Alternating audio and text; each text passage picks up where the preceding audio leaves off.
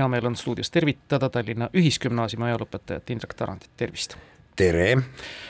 Indrek, kõnekoosolek, kus me ka äh, Toompea lossi ees põgusalt kohtusime, seal sai uuritud nende õpetajate käest, kes ka peagi meil eetrisse jõuavad, mis on lisaks nii-öelda üldistele kõigile teadaolevatele muredele nende nii-öelda isiklik motivatsioon ja põhjus, miks nad on plakatiga välja tulnud. mis on sinu isiklik motivatsioon streikida? no minu isiklik motivatsioon streikida on äh, esiteks avaldada solidaarsust kolleegidega, kes kuuluvad ametiühingusse ja selle streigi ette on võtnud. aga teiseks ka muidugi sellepärast, et äh, olukord äh, Eesti koolisüsteemis ja haridussüsteemis on äh, jõudnud niisuguse piirini, et ilma streigita mitte midagi välja ei tule ja isegi noh, ei pääse jutule, eks ole. Öeldakse, et pirisege seal kuskil oma õpetajate toas, aga ärge nina välja pistke. ja see on selline parteiline suhtumine.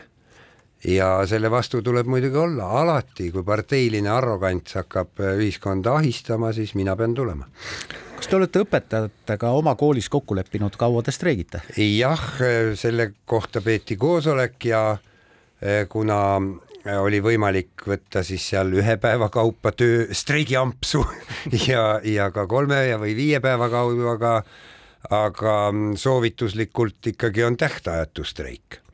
loomulikult äh, tähtajatu tähendab, et me lihtsalt ei tea, millal ta lõpeb, ükskord ta kindlasti lõpeb.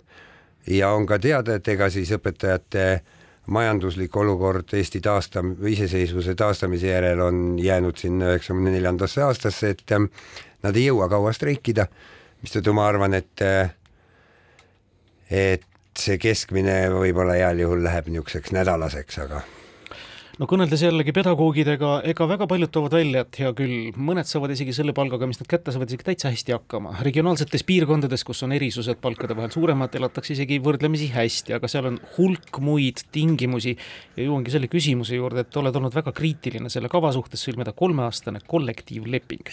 miks? aga sellepärast, et esiteks, kui kollektiivleping kehtib, siis see on olemas ka selline streikimise seadus, mis piirab või määratleb seda õigust ja kui sul kollektiivleping kehtib, siis sa streikida ei tohi, eh, nagu vist praegu Tartu linnas on olukord.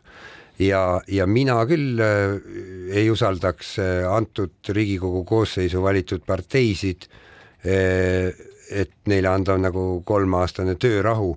miks? Nad on näidanud juba praegu, et nad ei kavatsegi üldse adresseerida küsimust järelikult äh, minu seisukoht oleks ikka see, et äh, et ametiühingud järsult ja kordades suurendavad oma nõudlikkust, sest et praegu tõesti jääb ju äh, kõrvaltvaatajale selline mulje, et et siis tuhanded õpetajad streigivad selle nimel, et saada pärast maksude mahaarvamist seitseteist koma kolm eurot kuus rohkem.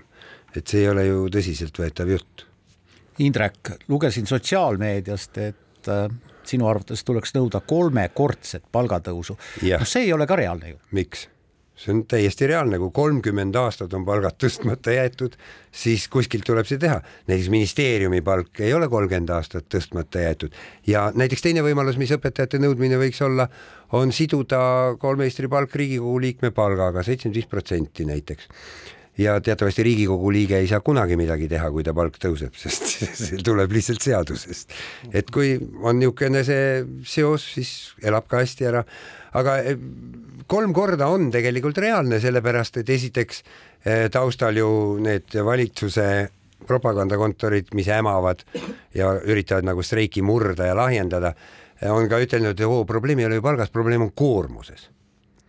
koormus oli ka Gulagis Vorkuta söekaevanduses. palka ei makstud, oli orjatöö. aga koormus ongi väljendatav rahas. ja kuna koormus on kolm korda tõusnud, no siis eh, jumala eest tuleb palka maksta.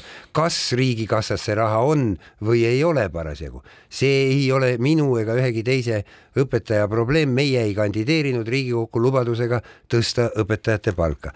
Teie, kulla sõbrad parteilased, kandideerisite, lubasite kõik, üks mees, tõstame nüüd ei tõsta. see, kas te võtate selle raha kulusid ümber muutes, kuskilt maha võttes ja õpetajale juurde pannes, välismaalt laenu võttes või makse tõstes, see ei ole minu mure. Indrek, kui suur koormus sul on?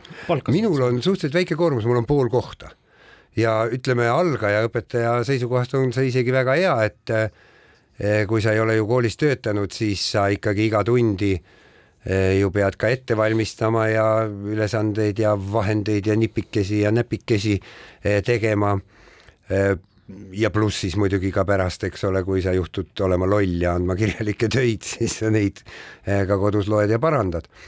Eh, aga ma arvan, et tegelikult eh, kui klassid oleks selles suuruses, mida seadusandja jälle ette on näinud ja mitte peaaegu poole suuremad, siis jõuaks teha täiskoormust ja natuke isegi peale. ma mõtlen, kas sa maadled ka nende samade küsimustega, et olles ise õpilaste kontrolltööde kontrolli, kui sa oled nii rumal, annad neile kirjalikke töid, oled sa ise ju pidevalt Haridus-Teadusministeeriumi kõigi lapsevanemate, kooli juhtkonna kontrollitav seejuures, ennast pead tõestama, et sa pole ei pedofiil, ei, sa ei ole radikaalsete vaadetega, vot see, teine ja kolmas inimene, vastama pärast kella kuute kindlasti lapsevanemate nõudlikele kõnedele ja nõnda edasi. kui oled klassijuhataja, minul õnneks klassijuhatamist veel pole usaldatud ja, ja seetõttu mul see töö puudub, aga nojah, see on see niinimetatud kaasava kooli eh, küsimus ja, ja tõesti nii nagu õpetajate hulgas või parteilaste hulgas, nii ka lastevanemate hulgas leidub igasuguseid, on väga mõistlikke ja geni inimesi ja on siis neid teistsuguseid. ja kahjuks nagu see kaasamine tähendabki põhimõtteliselt seda, et need teistsugused seal domineerivad, eks ole minul peab väga kiiduväärt, ma ütleks kohe hoolekogu eh, esimehele Meelis Adonenile siin tervitused, et tema hoiab väga hästi vanematega sidet ja, ja on nagu betoonpunker minu ja, ja nende vahel, et et seal on probleeme, aga ütleme tegelikult see Eesti Vabariigi häda on nüüd see, et esimest korda siis Eesti ajalool äh, alates siis Forseliuse ajast Rootsi kooli tekkest, on see, et õpetaja staatus ühiskonnas on äh, nii ära murendatud ja muditud, et äh, no ütlemegi, et iga teine nagamann võib seal sulle nagu avaldada oma suhtumist. Ja see tegelikult äh, ma usun, väga paljusid ka nörritab nojah, samas see, kui palju elatakse kaasa, kui palju meedia pühendab tähelepanu õpetajate streigile, on ikkagi tähelepanuväärne selles mõttes, et et ühiskonnas ikkagi väärtustatakse ja tähtsustatakse seda õpetaja rolli. jumal tänatud, jah. aga ma küsin seda, mm, õpetaja palganumbri mõjutab ju seda palganumbrit kompetents ja õpetaja kogemus, mingil määral vähemalt. natuke õpetajad on püüdnud seda äh, niisugust äh, tsunftisüsteemi teha, et on sell ja ja õpipoiss ja vanameister ja aga see tegelikult väga ei tööta, et äh, on olemas küll õpetaja kutse. Ja näiteks minult millegipärast Riigikogu võttis selle ära, sest ma ei töötanud kaheteist, kahe tuhande kolmeteistkümnendal aastal koolis.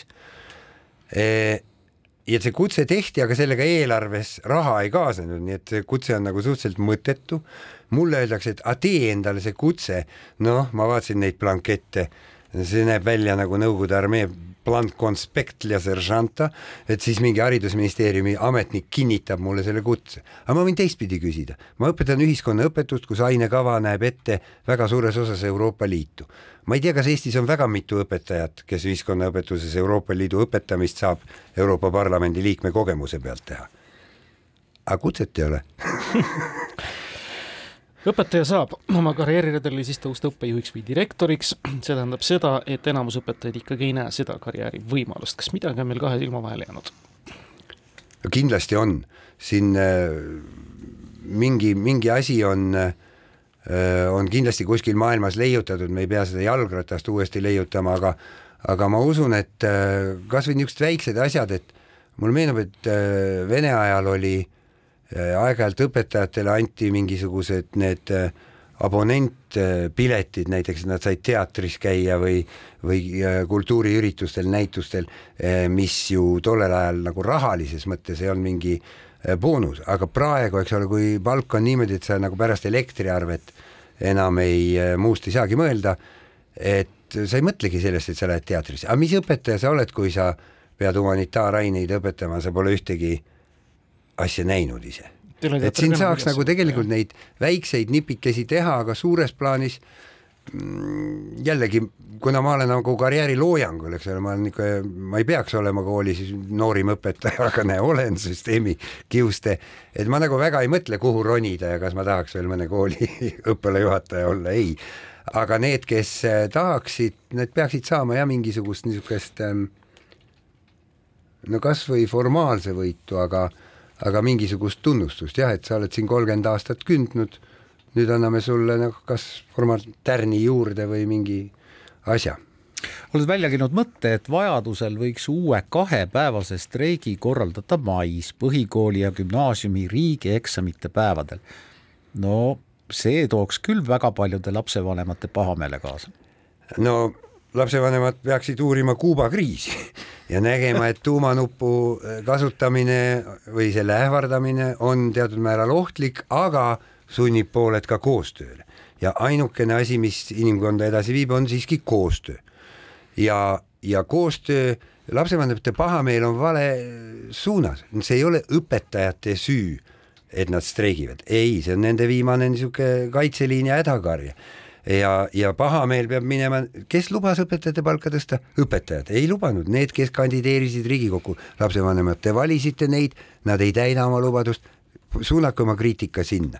aga see on tõesti tuumanupp, et äh, kui pikka streiki ei saa, siis riigieksamite päevad antakse teada, see mahub ilusti ette teatamise aeg, kaks päeva, jah, see paneb põõna nii põhikooli kui gümnaasiumi lõpetajatele, sest haridusteest võetakse üks aasta välja aga ilma selle ähvarduseta ma ei näe, täna ka ma ei näinud seal, et Riigikogust oleks väga palju nagu vastukaja tahetud anda, mõnel meeleavaldusel on neid eh, Riigikogu liikmeid nagu eh, rosinaid kringli sees. sotsiaaldemokraatide fraktsioon oli vist täies koosseisus väljas, siis oli see õnnetu Ester Karuse oma jah, ühesõnaga tema see temaks.